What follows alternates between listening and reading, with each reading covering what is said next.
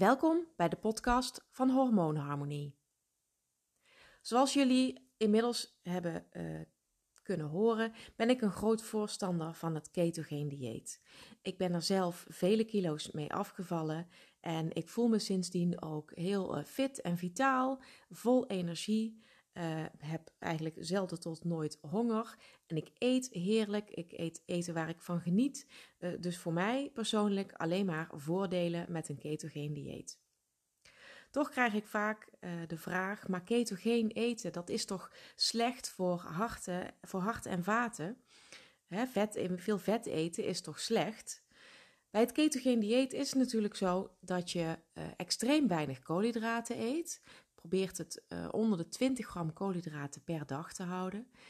En um, dus je eet gewoon verse groenten. Die vul je aan met een gemiddelde hoeveelheid uh, eiwitten, proteïne, dus in de vorm van vlees, vis, eieren. En um, je energie, die haal je vervolgens niet uit koolhydraten, maar voor, voornamelijk uit vetten.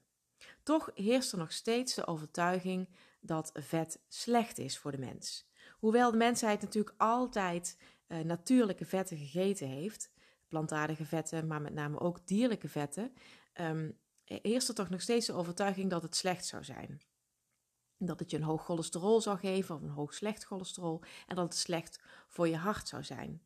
Inmiddels uh, zijn er steeds meer wetenschappelijke bewijzen wat dit weerlegt. Het is inmiddels duidelijk dat laag uh, koolhydraten uh, eten, dus low carb eten, zorgt voor gewichtsverlies, maar ook vele andere voordelen voor de gezondheid heeft. Hoe kan het dan dat, dat er zo'n hardnekkig vooroordeel over vetten in onze maatschappij ingeslopen is? En daarvoor moeten we eigenlijk terug naar de jaren 60 van de vorige eeuw. Toen een zekere meneer Ansel Kies uh, de onderzoeksresultaten van een aantal onderzoeken uh, samenpakte. En zijn zogenaamde zeven landen onderzoek.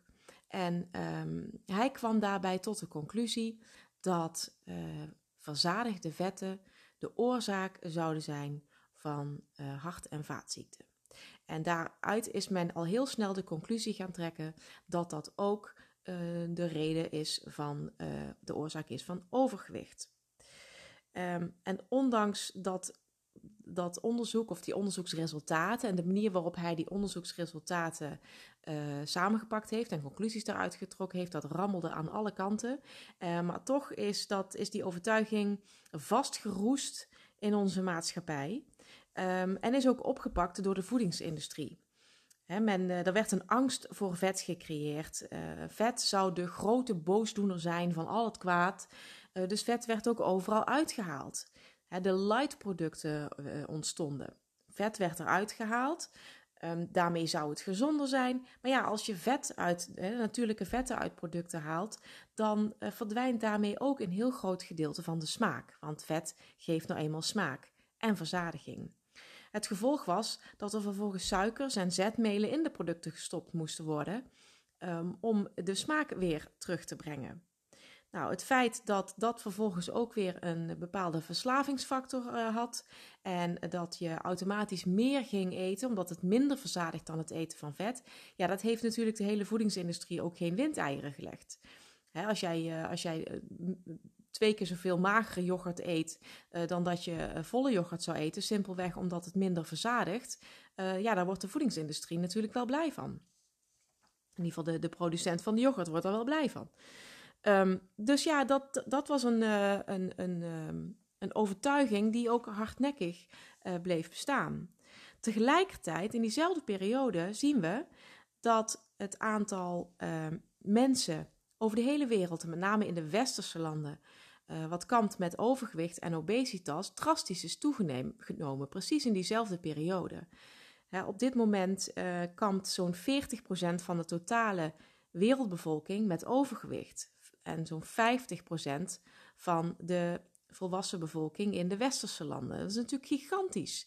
En dat sinds 1975, mijn geboortejaar overigens, is dat percentage, is het percentage van mensen met obesitas verdrievoudigd. Dus in 45 jaar is het aantal of het percentage mensen dat kampt met ernstig overgewicht, obesitas, verdrievoudigd. Precies eigenlijk in dat tijdsbestek dat uh, vetten de grote boosdoener werden, overal uitgehaald werden en dat we dus meer koolhydraten als gevolg daarvan gingen eten. Um, dat zie je ook bij kinderen. Die toename is, is uh, uh, nog veel erger. In 1975 kampte 4% van de kinderen met overgewicht. In 2016 was dat 18%. Dus dat is 4,5 keer zoveel. 18% van de kinderen in 2016, 4% in 1975. En datzelfde zie je ook gebeuren bij diabetes, diabetes type 2 wel te verstaan. In 1980 had wereldwijd 108 miljoen mensen diabetes type 2. In 2014 was dat 422 miljoen en naar schatting is in 2018 het aantal van 500 miljoen mensen met diabetes type 2 overschreden. Dus dat zijn gigantische aantallen.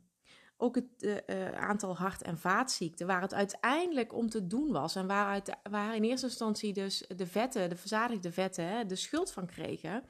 Um, het aantal uh, hart- en vaatziekten is ook alleen maar toegenomen in die periode.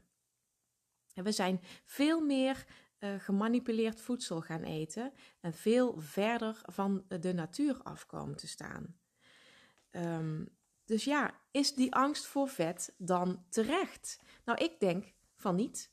De angst voor uh, gemanipuleerde vetten, voor transvetten, dus vetten die, die in de voedingsindustrie bewerkt zijn, um, die angst is zeer terecht. Dat zijn de slechtste vetten die we maar, uh, die we maar kunnen eten. Uh, maar natuurlijke vetten, daar is helemaal niets mis mee. Ten eerste hè, geeft vet natuurlijk, zoals ik al zei, verzadiging uh, en smaak. Maar vet heeft ook vele andere uh, gezondheidsvoordelen. Uh, omega-3 vetzuren, zoals wellicht al bekend, die voorkomen juist die hart- en vaatziekten. Dus die meervoudig uh, onverzadigde vetzuren, omega-3 vetzuren, voorkomen juist die hart- en vaatziekten. Ze zijn ook goed voor je brein. Um, ze, uh, ze gaan onder andere depressies tegen. Vetzuren of vetten zijn een, een uh, langere, langdurigere, stabielere bron van energie. Op het moment dat jij een suikerverbrander bent en koolhydraten eet, um, heb je eigenlijk altijd kortstondige, snelle energie voorhanden. Maar je lichaam kan niet langdurig de energie uit suikers opslaan. Je kunt ongeveer een dag vooruit met de energie die je krijgt uit suikers. En daarna zul je een, een dip krijgen, een energiedip. En moet je nieuwe voeding, nieuwe suikers tot je nemen om weer uh, je lichaam van energie te voorzien. Als je van je lichaam een vetverbrander hebt gemaakt, dan is je lichaam in staat om um, voortdurend energie te genereren. Is het niet in eerste instantie uit het vet wat je gegeten hebt, dan is het wel uit de vetreserves in je lichaam. En dat zorgt uiteindelijk ook voor gewichtsverlies. Uh, je bent ook langer verzadigd. Hè? Als, je, als je vet eet, um, ben je sneller verzadigd um, en langer verzadigd. Dus je kunt langer zonder een nieuwe maaltijd, je komt er veel langer mee uit. Uh, dus je zult ook zien dat mensen die uh, ketogeen of koolhydraatarm eten ook regelmatig een maaltijd kunnen overslaan zonder dat ze daar chagrijnig van worden, trillerig van worden of um, um, ja, echt, echt prikkelbaar van worden.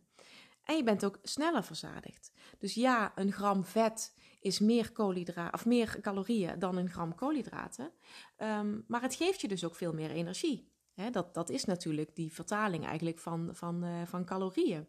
Dus het geeft je meer energie, dus je eet ook, je hoeft er ook minder van te eten. Dus uiteindelijk zul je minder eten. Je eet minder volle yoghurt dan uh, magere yoghurt, omdat het simpelweg meer verzadigt. En zo hebben uh, vetten vele, vele, vele voordelen. Um, de vetten onderhouden ook je gezondheid, de gezondheid van je cellen. dat geldt ook voor je huid en dat geldt voor je haar. Um, we smeren vet op onze huid. We smeren lippenbalsem op onze lippen. we, zo gauw je nu ook in deze tijd van het jaar, als je droge handen hebt bijvoorbeeld, of uh, kloven uh, in je vingers, dan, dan, dan smeer je daar crème op, dan smeer je daar vet op. Maar die verzorging, die kun je ook van binnen uitgeven. Dus als jij voldoende vetten tot je neemt, zal je huid ook minder snel droog worden. Eh, je zult ook merken dat bijvoorbeeld je, als je de koolhydraten weglaat, dat die droge uh, huid op je ellebogen, dat die ook verdwijnt. Um, en vet helpt natuurlijk ook om uh, de vetoplosbare, de naam zegt het al, vetoplosbare vitamines op te nemen in je lichaam. Uh, vetoplosbare vitamines, dat is uh, vitamine A, vitamine D, vitamine E en vitamine K. Dus je hebt die vetten echt nodig om die vitamines op te kunnen nemen. Dus als je extreem vetarm eet, uh, wat toch een trend is geweest in de afgelopen decennia. En bijvoorbeeld leeft op salades met kipfilet zonder enige vorm van, van dressing of in ieder geval olie of wat dan ook. En dus extreem vetarm eet, dan uh, kun je ook een vitaminetekort oplopen. Want je kunt die vitamines misschien wel tot je nemen, wel eten, maar zonder die vetten is je lichaam niet in staat om ze uh, op te nemen en om ze naar de juiste plek in je lichaam te brengen. Dus dan heb je er zo heel weinig aan. Vet reguleert ook um, de ontstekingen in je lichaam en je immuunsysteem. Vooral omega-3 en omega-6 uh, vetzuren, dat zijn uh, essentiële vetzuren. En zijn heel belangrijk voor de beweeglijkheid van het spijsverteringskanaal. En daarmee bedoel ik dan um, um, bijvoorbeeld de, de, de activiteit van, van ontlasting, de bloedstolling, maar bijvoorbeeld ook, daar hebben we het weer, de vaatvernauwing en vaatverwijding en de doorlaatbaarheid van de vaten. Dat wordt gereguleerd door de vetzuren. Uh, en daarmee ook de ontstekingen van de vaten. Wat, en ontstekingen in de vaten, dat zijn die plekken die dan weer gerepareerd gaan worden door het cholesterol. En daar kunnen dan weer ophopingen ontstaan en vaatvernauwingen ontstaan. Dus die, die um, vaatverwijding en die, die eh, doorlaatbaarheid en die elasticiteit van vaten is natuurlijk extreem belangrijk uh, tegen, tegen die vaatziekte. Um, en daarvoor zijn die vetzuren dus heel belangrijk. En dan hebben we natuurlijk nog de vraag van het cholesterol. Is cholesterol nou daadwerkelijk wel zo slecht voor je? Nou, daar kan ik nog een hele andere podcast uh, aan wijden, denk ik. Um, wat in ieder geval heel belangrijk is om te weten, is dat um, een te laag cholesterol nog slechter is dan een te hoog cholesterol. Uh, en daarbij een te hoog cholesterol, dat weten we inmiddels. Daar zijn ook diverse wetenschappelijke onderzoeken naar gedaan en bewijzen voor dat een te hoog cholesterol niet ontstaat door het eten van vetten. En hart- en vaatziekten ontstaan niet door het eten van vetten, maar juist door het eten van suikers, van koolhydraten. En heel belangrijk, uh, wat heel veel mensen niet weten, is dat um, je belangrijkste hormonen, en dan, duid, dan bedoel ik de steroïdhormonen, dus dat is hè, testosteron, oestrogeen, progesteron, uh, maar bijvoorbeeld ook cortisol, um, dat die gemaakt worden uit cholesterol. Um, dus in, door het, in het cholesterol wordt pregnenolon geproduceerd. Ehm, uh, en dat is het oer hormoon, eigenlijk het voorhormoon van de steroïdhormonen. En die steroïdhormonen, die hebben weer tientallen, honderden, misschien wel duizenden uh, functies in je lichaam.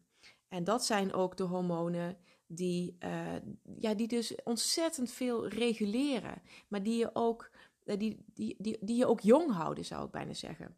Um, dus op het moment dat jij je cholesterol drastisch gaat verlagen, eh, door middel van uh, voeding of door middel van uh, medicijnen, heb je ook, beïnvloed je ook de aanmaak van die steroïdhormonen en beïnvloed je dus ook je gezondheid. Maar dan op een negatieve manier, helaas.